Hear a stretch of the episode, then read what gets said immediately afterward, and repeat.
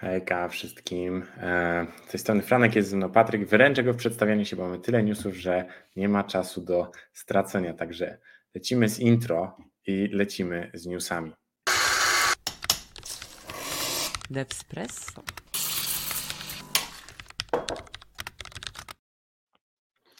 Tak, i zaczynamy ze storybookiem w wersji 7.6.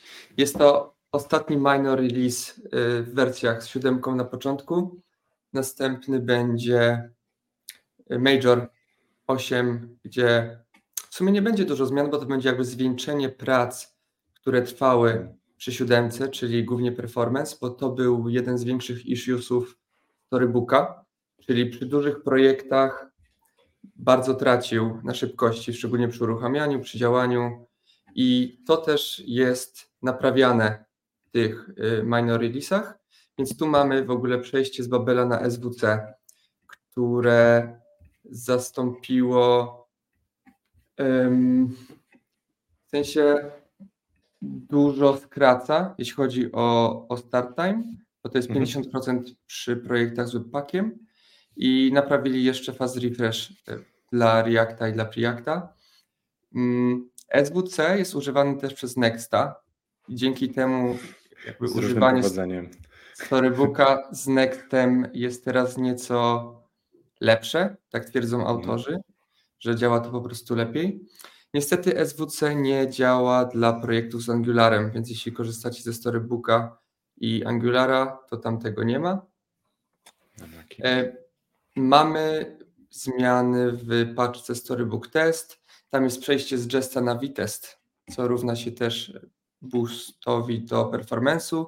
Mamy nową, nową flagę test do komendy Storybook Build, która też przyspiesza wystartowanie tej komendy, bo usuwa niepotrzebne rzeczy. Mamy makowanie nawigacji przy używaniu Svelte Kit. Mamy upgrade do React e, Doc Gen wersji V7. V6 dodało też szybkości i to będzie jakby narzędzie, które będzie używane w wersji 8, więc tak jak mówiłem, to są przygotowania do tej e, głównej wersji. Mamy nową komendę Storybook Doctor, która analizuje wasze dependencies, wersję storybooka, zależności, jakieś addony, których używacie, że tam coś się nie zgadza. Mamy nowe doksy i to jest w zasadzie wszystko. Tak jak mówiłem, tu są duże przygotowania do ósemki, która będzie chyba tegorocznym największym releasem, bo oni co roku takiego dużego mają. Okej, okay, e, fajnie. E, to na drugim końcu spektrum jest Fresh 1.6 od Dino. E, nie jest to wielki release. Kilka rzeczy hmm, takich przyjemnych. Pierwsza z nich, że przechodzą z T-Wind, czyli jakby kompilatora Tailwinda do czystego Tailwind CSS, co powinno pomóc, bo Tailwind CSS super popularne rozwiązanie, więc ma dobre wsparcie w edytorze. E, nie ma też już potrzeby generowania CSS-a e, na bieżąco podczas renderowania, tylko możemy to zrobić ahead of time, tak? Dzięki temu zyskamy być może trochę na wydajności. Oprócz tego wsparcie dla partiali w formach i partiali w error page'ach. To są takie odrobina interaktywności, którą możecie posypać swoje statyczne strony. E, teraz jest tak, że overlay z errorem e, w, Flashu jest taki overlay, w którym macie informację o tym, dlaczego jakiś error się wydarzył. Był taki problem, że e, jeżeli miałeś errora, to on zastępował twój, twoją stronkę, z, która normalnie miała być error handlerem. Więc teraz to się otwiera jako modal i możecie go zamknąć. Trochę mądrzejsze bandlowanie wysp, czyli kilka wysp, które są naprawdę malutkie, zostaną połączone w, w jeden plik, co jest szybsze niż gdybyśmy mieli rozdzielić na kilka plików i pobrać je oddzielnie. Oczywiście to jest zrobione w bardzo inteligentny sposób, dzięki czemu serio zyskacie na wydajności.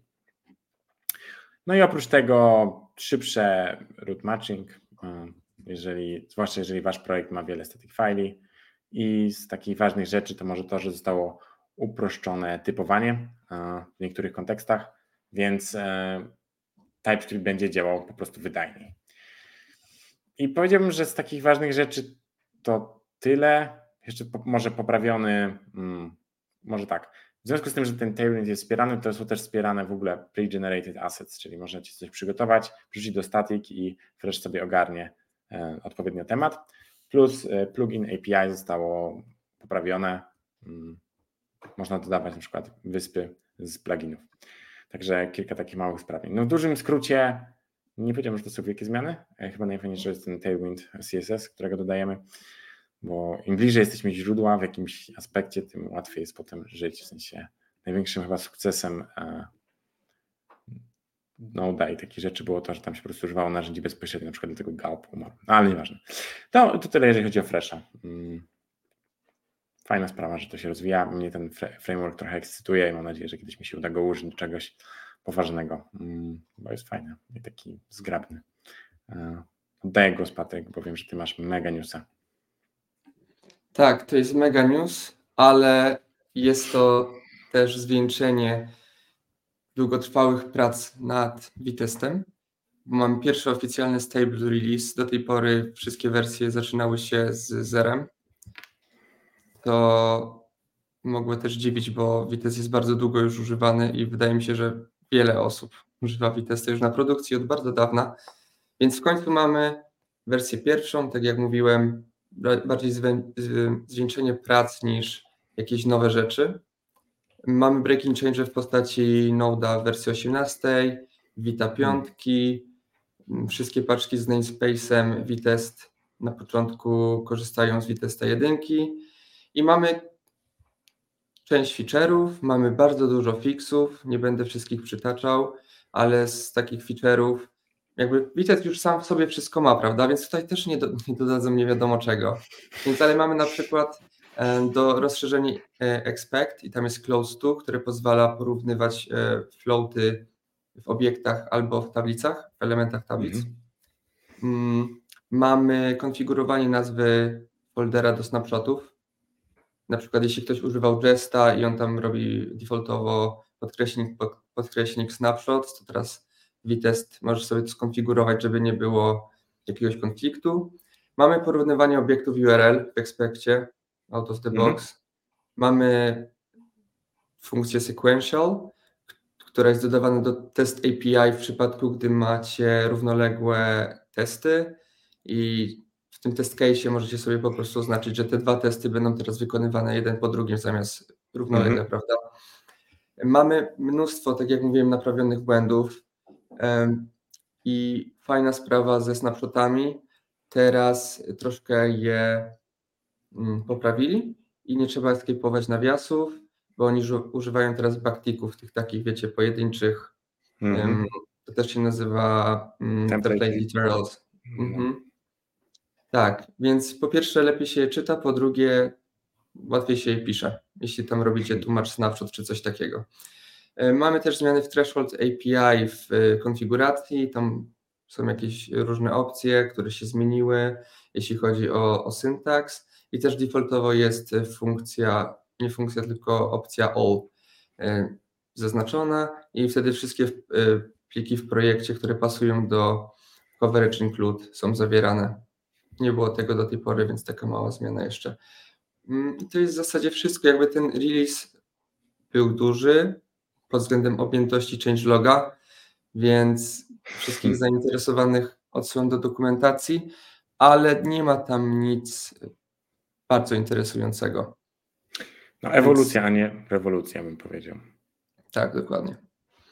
Um, Okej, okay. ale jeżeli, jeżeli szukacie rewolucji e, w waszym życiu, to ja mam dla was nową propozycję. Vest.js jakby to nie jest nic nowego, co się teraz pojawiło, natomiast dopiero niedawno się o tym dowiedziałem, gdzieś z Twittera, e, czytając tych wszystkich technoinfluencerów, zawsze znajdziesz coś fajnego dla siebie. E, w tym tygodniu dla mnie to był Vest.js. E, nie jestem przekonany, czy będę chciał tego używać, być może to trafi na długą listę libek, których innym rekomenduję, sam nigdy nie użyłem. Natomiast może to jest coś dla Was. Vest.js to jest validation framework, który piszecie jak testy, czyli validation plus test równa się Vest oczywiście. No i teraz to polega na tym, że po prostu, jeżeli kojarzycie na przykład to, jak działa ZOT, albo to, jak działa JUP, e, inne takie frameworki, w których definiujemy skimę tego, jak ma działać wasz mm, formularz, jak macie, jakie zasady mają rządzić tym, jak walidujecie, to WEST troszeczkę to odwraca i tworzy z waszych zasad, znaczy tworzy te zasady tak, jakbyście pisali testy, czyli macie test, macie który field, a potem macie enforce, który łudząco przypomina expect z Jesta lub z Vitesta. Więc wasze zasady generalnie sprowadzają się do tego, że piszecie na przykład enforce, username, minimalna długość 3. E, enforce, username musi być obecny. I tak dalej, i tak dalej, i tak dalej. No i to jest tak, że te testy nazywacie sobie i możecie je e, jakby pisać i jakby rozszerzać, dzielić między sobą, tak możecie te zasady opisywać i wymieniać, więc jest to łatwe w, e, w zarządzaniu teoretycznie, w utrzymywaniu. No jest to ogólnie takie inne podejście. No i tutaj jakby zgadzam się z opinią kogoś, kto widziałem, że napisał, że w sumie walidacja to jest trochę jak testy, no bo testujecie, czy to działa, czy nie, w sensie, czy to ktoś, co wam ktoś dał, czy to jest zgodne z tym, czego oczekujecie. Więc tego rodzaju podejście może mieć pewne benefity, jeżeli chodzi o zrozumienie, jeżeli chodzi o czytelność kodu. Także jeżeli rozważacie, to może właśnie zamiast Zoda, który u mnie chyba najczęściej pełnił tę rolę e, walidatora, natomiast on jest bardziej pod kątem typów, a to nie do końca jest to samo co walidacja e, formularza, gdzie chcemy dać odpowiedni error, gdzie chcemy odpowiednio sprawdzić różne rzeczy, które nie do końca można określić jako typy, w sensie nie, nie tylko typami. Także to jest może coś dla Was. I w wersji 5.1 już, więc dosyć zaawansowany projekt, e, a nie świeżynka. Więc może tym bardziej dla kogoś zachęcające. Mm, co, Patryk, oddaję głos, bo ja już mówiłem o Freshu, a teraz ty masz coś od Dino. Tak. Tak jakby ktoś nie wiedział, Fresh też jest jakby z rodziny Dino. Tak, no, tutaj... dokładnie. Twórcy, wydaje mi się, że w sensie, że twórcy Deno po prostu mają ten Dino. E, mają tak, że mają wydzielony jednego programisty, który pracuje nad Freshem i on jest właśnie pod parasolem um, frameworka Deno. Dino. no. Tak, i tutaj mamy Dino Cron który, jak sama nazwa wskazuje, pozwala tworzyć ktoś nie wie, co to jest cronjob, to, to są zadania, które są uruchamiane o określonych porach, które sobie tworzycie takim dosyć charakterystycznym syntaksem gwiazdkowym. Więc jeśli widzicie gdzieś w kodzie jakieś takie gwiazdki, to znaczy, że to jest cronjob. Cronjoby bardziej są kojarzone bardziej z systemowymi tak. jakimiś funkcjami, ale teraz są też w Dino. Mm, jeśli ktoś ma problem z tym syntaksem, już kiedyś o tym wspominaliśmy, jest taka stronka crontab.guru i tam jest to bardzo dobrze wytłumaczone, można sobie sprawdzić, co dany cron job robi. I tutaj pod flagą Unstable wersji 1.38 mamy dinocron. On przyjmuje trzy argumenty, czyli nazwę, harmonogram i funkcję, która jest odpalana. I działa on tak, że po prostu odpala tą funkcję, jeśli sobie ustalicie, że raz dziennie co godzinę, co minutę to jest wywoływane. Ta funkcja przyjmuje trzy argumenty, tak jak wcześniej mówiłem, i mamy jakby jedna jest różnica względem tej systemowego odpowiednika, mianowicie mm, one się, one są skip, joby są skipowane, jeśli się nakładają, tak? Czyli jeśli jeden job bardzo długo zajmuje mhm. i w tym czasie powinien się pojawić kolejny, to on się nie pojawi. E, tylko po prostu jest skipowany. Tak samo jeśli któryś zerroruje, to też automatycznie to jest potem ponawiane, więc to są takie dwie rzeczy. I jeśli używacie Dino Deploy, to tam praktycznie bez żadnego setupu możecie z tego korzystać. On Dino sam będzie wiedział, że coś takiego jak cronjob jest, jest taki specjalny dashboard, więc jest to dosyć Super. Ułatwione. To taki newsik e, od Dino. Fajna sprawa. Mm bardzo zachęcająca. Zwłaszcza z tym Dino Deploy, że możesz sobie wejść. Ja też widziałem ten panel do zarządzania i to wygląda bardzo, bardzo fajnie. Tak, to jest jakby kolejna z rzeczy, które oni wprowadzają, które ma ułatwić development. Tam było jeszcze Dino e, KV, to jest tak. ich e, baza danych, tam dodali jakieś kolejki jeszcze, więc to jakby tak. ma się wszystko dopełniać w teorii. Myślę, że jeżeli ktoś e, używa obecnie Firebase'a, to myślę, że to jest taka alternatywa trochę, że masz chmurę z takimi rzeczami w Firebase, na przykład są scheduled functions i tam jest dokładnie tak samo, też wrzucasz syntaks e, jakby kronowy i też odpala funkcję on timer. E, więc myślę, że tutaj coraz więcej rzeczy jest atrakcyjnych w tej, w Dino, zwłaszcza, że z Firebase jest taki problem, że on ma wszystko closed source, prawda? Więc y, mamy ten vendor lock-in. A tutaj Dino, no, w każdej chwili możecie wziąć swój kod i swoje wszystko i wziąć, przenieść ten open source runtime na przykład na Cloudflare'a i nic się przed tym nie wstrzymuje, więc super, że to się rozwija w ten sposób, w tę stronę. I ja teraz powiem, że rozwija się tak już od 28 lat, bo dzisiaj, to znaczy my nagrywamy to w poniedziałek, 4 grudnia i dokładnie 28 lat temu, e, również 4 grudnia pojawił się press release, e, że jakby Netscape Communications Corporation i Sun Microsystems ogłasza, że pojawił się JavaScript, wydali JavaScripta, który będzie językiem do programowania um, Object-Scripting Language for the creation and customization of application on enterprise networks and the internet. I tutaj wspominali o tym, że to jest e, jakby um, wspiera dobrze Java i że jest dobrze jakby zgrany z Java, że do, do, dopełniają się. Nie do końca poszło to w tę stronę, natomiast no już przez te 28 lat e, JavaScript się rozwija, no i mamy chyba ja powiem za siebie. Ja mam dużą przyjemność z używania JavaScripta, cieszę się, że tak to wygląda i tak się to potoczyło. No z tą kompatybilnością z Java nigdy tego na szczęście nie musiałem sprawdzić w swoim życiu, więc e, mam nadzieję, że tak pozostanie. Mm, w sumie tyle. 100 lat JavaScript, mam nadzieję. Albo więcej w sumie, bo już 28 to dużo, więc może jeszcze z 200 lat. Zobaczymy. Mm. Co? To jak już poświętowaliście, to e, kolejne zadanie dla Was, tak jak w zeszłym tygodniu. Patryk, namawiałeś naszych widzów w zeszłym tygodniu, to, to namów i tym razem. Tak, a propos, w którą stronę poszedł JavaScript, to myślę, że twórcy raczej nie myśleli, że za pomocą JavaScripta będziecie tworzyć aplikacje mobilne z użyciem React Native. Mm. Więc tu mamy State of React Native, tegoroczna edycja ankiety, która ma za zadanie zbadać cały ekosystem React Native, czego używacie, skąd jesteście, kim jesteście, dlaczego. Jest trochę pytań, nie na wszystkie trzeba odpowiadać, tak naprawdę możecie w sumie na jedno, na jedno pytanie odpowiedzieć. Więc jeśli nie macie dużo czasu, to wypełnijcie te najważniejsze. I co? To jest chyba druga edycja z tego, co kojarzę, że była rok temu pierwsza, teraz mamy, teraz mm. mamy drugą. I co? Wszystkich zachęcam osobiście do wypełnienia ankiety i potem do sprawdzenia wyników, bo można sobie sprawdzić właśnie czego używają inni deweloperzy, może jakieś znaleźć biblioteki, rozwiązania, o których tak. nie wiedzieliście też.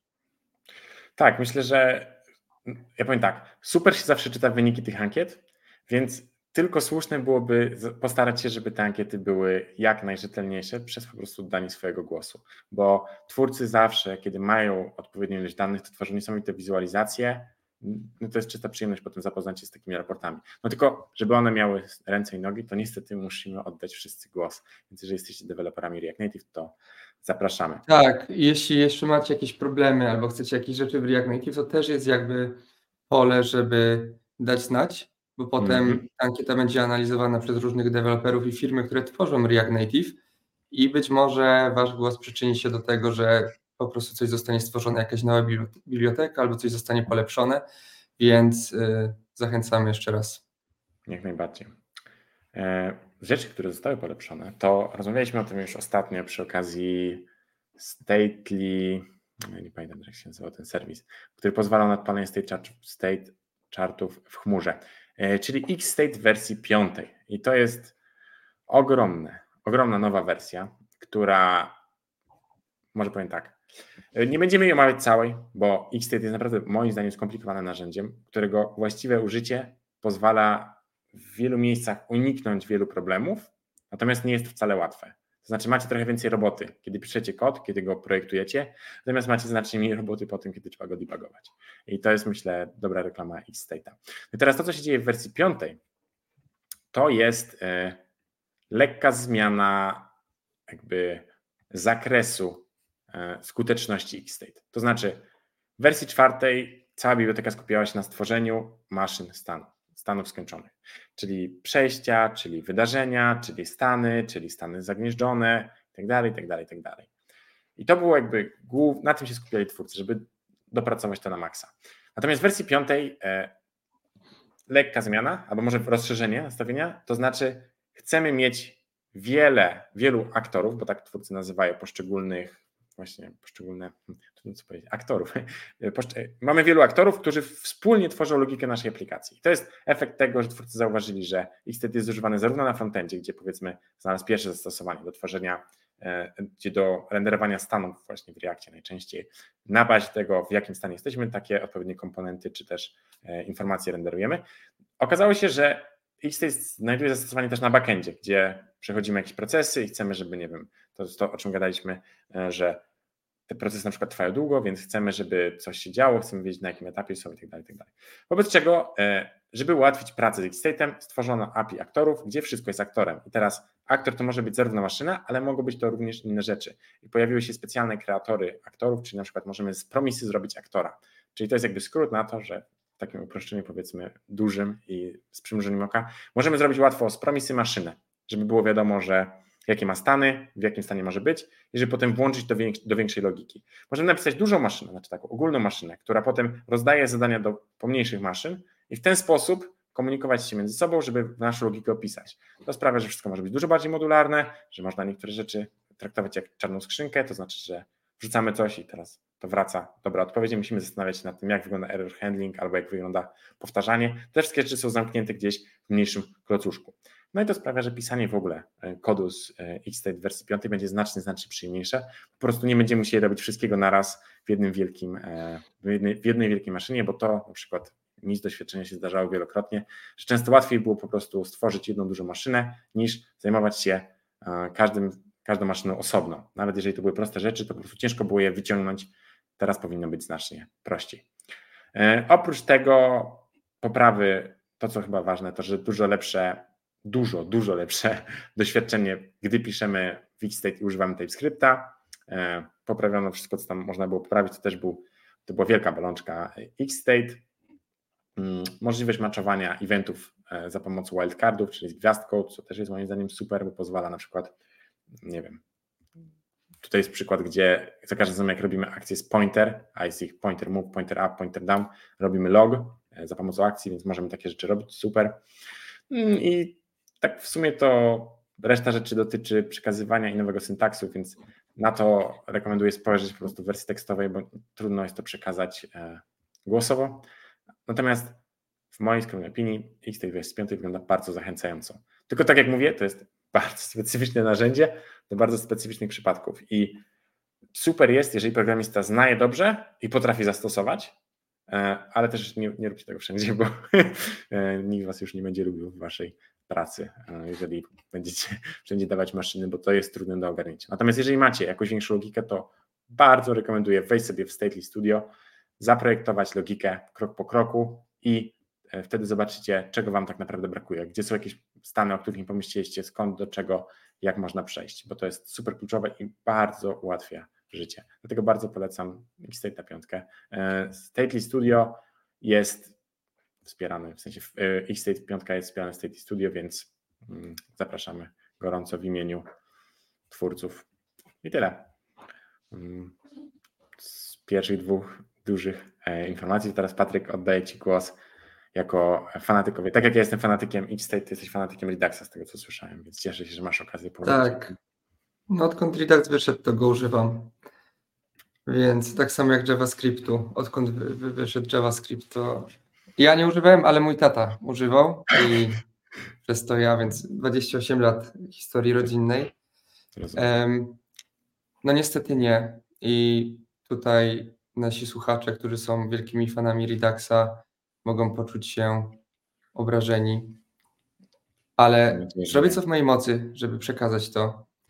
Problem jest tylko taki, że tych zmian jest tak wiele i obejmują nie jedną paczkę, tylko pięć, że musielibyśmy poświęcić praktycznie cały odcinek, żeby omówić te zmiany. Więc hmm. postaram się to zrobić w dużym skrócie. E, Myślę, Mianowicie... jeszcze, jeszcze ważne jest to, że żeby zrozumieć dobrze te zmiany, to musielibyśmy poświęcić parę dni, żeby naprawdę zapoznać się z Reduxem, bo ile znamy podstawy, to akurat myśmy mieli takie szczęście, nieszczęście. No tak się potoczyła nasza kariera i moja i twoja, Patryk, bo akurat część współdzieliliśmy, więc mogę powiedzieć się za ciebie, że myśmy po prostu Reduxa nie używali, bo mieliśmy zupełnie jakby przeciwne podejście do stanu w Reactie, czyli małe części, które składamy w większe, a nie selektory z większego stora, które spadają kawałkami na dół. A tak zasadniczo do tego sprowadza się Redux, więc dawaj Patryk, zobaczymy jak Ci pójdzie. E, tak. Mm, warto podkreślić, że ten release, release to jest zwieńczenie roku pracy tak naprawdę. Już tak jest wszystkim. Tak. Taki, taki tydzień mamy. I mamy tutaj kilka paczek. Mamy Reduxa 5.0, mamy React, React Redux 9.0, mamy Reselect 5.0, mamy Redux Tank 3.0 i Redux Toolkit 2.0. I one wszystkie są ze sobą połączone, gdyż od siebie zależą, więc update 1 tak duży musiał jakby ciągnąć za sobą update innych paczek, szczególnie, że twórcy tej wersji skupili się na importach, żeby wspierać zarówno ES Modules, jak i CommonJS i to był główny motyw, motyw przynajmniej w toolkicie. Mhm. Mm, mamy poprawki co do bundle size'a w toolkicie też. Jest on zmniejszony. Są, jest poprawka wydajności. Są też dodane rzeczy, o które prosili użytkownicy. Więc jeśli ktoś miał jakieś życzenia w związku z działaniem toolkita i myślał, że chciał, chciałbym coś, żeby to tak działało, to zachęcam, żeby sobie sprawdzić, szczególnie Create Slice, tam dodali selektory, y, mhm. których można używać teraz bezpośrednio wewnątrz Create Slice. Mamy też te tanki, one są chyba używane do asynchronicznych patchów, tak, tam sobie można logikę zrobić i tylko one do tej pory musiały być tworzone osobno, poza Create Slice. I teraz można mhm. robić to wewnątrz, tylko trzeba użyć sobie takiego customowego Create Slice, który się tworzy, ale dzięki temu można to połączyć. Mamy okay. też y, posprzątane rzeczy typu extra redacers wewnątrz Create Slice i Create Redacer, które są e, deprecated. Mamy też e, usunięcie deprecated rzeczy, które były i co do usunięcia tej składni, o której przed chwilą mówiłem, to, tam jest codemon, którego można sobie użyć i odpalić komendę, która Wam zrobi te zmiany. Nie musicie ich robić ręcznie. Więc możecie sobie sprawdzić dokładnie o co tam chodzi. Y, w tych innych paczkach też tak jak mówiłem są y, zmiany ze wsparciem importów. Mm, mamy React 18 w React Redux 9.0 mamy jakieś zmiany do use selectora. W Reduxie 5.0 mamy w ogóle przepisanie codebase'u na TypeScript. Jakby, żeby ktoś nie pomyślał, że to się stało tylko w tym release, to była to było, też, też jest zwieńczenie, e, że jest znowu tego określenia, długoletnich prac tak naprawdę nad tym, żeby Redux był w TypeScriptie. Do tej mhm. pory dziś sobie to powoli portowali i teraz w tej wersji udało się zrobić tak, żeby cały codebase był w TypeScriptie. E, dlatego też action.type musi być stringiem. Create store jest deprecated i proszę się nie bać, on będzie dalej działał, nikt go nie będzie usuwał, po prostu jest oznaczony, że jest deprecated i to będzie przekreślony. Więc jak robicie nowy kod, to może go nie używajcie, bo z jakiegoś powodu jest deprecated. Ale jeśli macie w kodzie, a nie chcecie robić refactor albo refactor wymaga w ogóle jakichś gigantycznych zmian, to możecie go śmiało zostawić, bo on będzie działał tak, jak działa dalej. I tak jak wspominałem, tych zmian jest mnóstwo. Pojawiły tak. się całkiem niedawno, bo kilka godzin przed tym, jak je nagrywamy, więc wszystkich użytkowników i fanów Reduxa tak. zachęcam y- do zapoznania się z dokumentacją. Tam jest jakiś migration guide, jeśli chcecie przemigrować właśnie na nową wersję Toolkita i Reduxa 5 i tak, to tyle. Tak, tym, którzy nie, nie używali nigdy Reduxa, ja chyba bym gorąco zachęcił do skorzystania z e, Redux, Redux Toolkit, e, czyli RTK. E, spojrzeć przynajmniej na to, jak to wygląda, bo to jest rozwiązanie, które jest na pewno bezkompromisowe. To znaczy, jeżeli używacie Reduxa, to możecie z nim zrobić wszystko. Naprawdę zoptymalizować każdy gram waszego kodu, waszej aplikacji. Możecie z tym zrobić wszystko. To jest bardzo kompleksowe rozwiązanie. A Redux Toolkit to jest jakby esencja tego rozwiązania, która pozwala na zrobienie 80% rzeczy z 20% kodem. W sensie 20% kodu, którego normalnie musiałbyś napisać, napiszesz, wykorzystasz Redux Toolkit i on to zrobi za ciebie. Więc y, jeżeli zaczynacie swoje przygody z Reduxem, chcecie się o tym czegoś dowiedzieć, to myślę, że warto na to spojrzeć, bo w szczególności w ostatnich latach ten projekt mocno przyspieszył i naprawdę wygląda fajnie. Mm. Więc jeżeli jesteście fanami takiego rozwiązania, to myślę, że warto się zainteresować. Był ostatni temat na dziś. Wyszło nam 30 minut. Wow, dawno nie było aż tak na bogato. E, mieliśmy po prostu dużo, dużo do mówienia. W sensie sam X-State 5 i Redux to były takie potężne wiadomości. Zanim się pożegnamy, to ja chciałem powiedzieć, że odcinek o hakie, czyli nasz hackatonie, który rozgrywa się w Krakowie od paru lat, rozgrywa się też w Warszawie. Natomiast e, ta tegoroczna edycja krakowska 2023, nasza przygoda podczas tego hackatonu e, i relacja z niej e, pojawi się na naszym kanale już niedługo i zapowiadamy dzisiaj już oficjalnie. Pewnie się jeszcze na naszych social media szeroko pojętych pojawią różne informacje na temat tego, kiedy dokładnie i więcej informacji na temat filmiku, ale to jest coś, nad czym pracowaliśmy długi czas i mam nadzieję, że się Wam spodoba, dlatego już dzisiaj zapraszam e, gorąco. I dzięki za to, że wysłuchaliście aż 30 minut naszego ględzenia. Myślę, że to jest całkiem niezłe osiągnięcie. Sorry, mojego ględzenia, Patryk, ty mówiłeś bardzo fajnie. Wręcz przeciwnie, ale y, chyba zapomnieliśmy o tym powiedzieć przy intro którymś. Musimy to powtórzyć w następnych odcinkach. Mianowicie zachęcamy wszystkich do przyspieszania odsłuchiwania naszego ględzenia mm, tak. i ustawienia sobie właśnie na 1.2, 1.5. Niektórzy, jak Kenty Dots, y, słuchają na 3.0. Nie wiem, jak to jest możliwe, ale tak. Tak. wtedy można sobie skrócić ten czas i akurat na, na kawkę wystarczy. Tak. Y Możecie nas słuchać na Spotify, tam to można zrobić naprawdę łatwo. Zresztą na YouTube też źle w tym aspekcie nie ma. Także zachęcamy do przyspieszenia słuchania i e, dziękujemy za dzisiaj. Z tej strony był Franek, ze mną był Patryk. Tak, jest zamulony jak zawsze, ale najważniejsze, że obecny. Dzięki, do usłyszenia. Na razie, pa.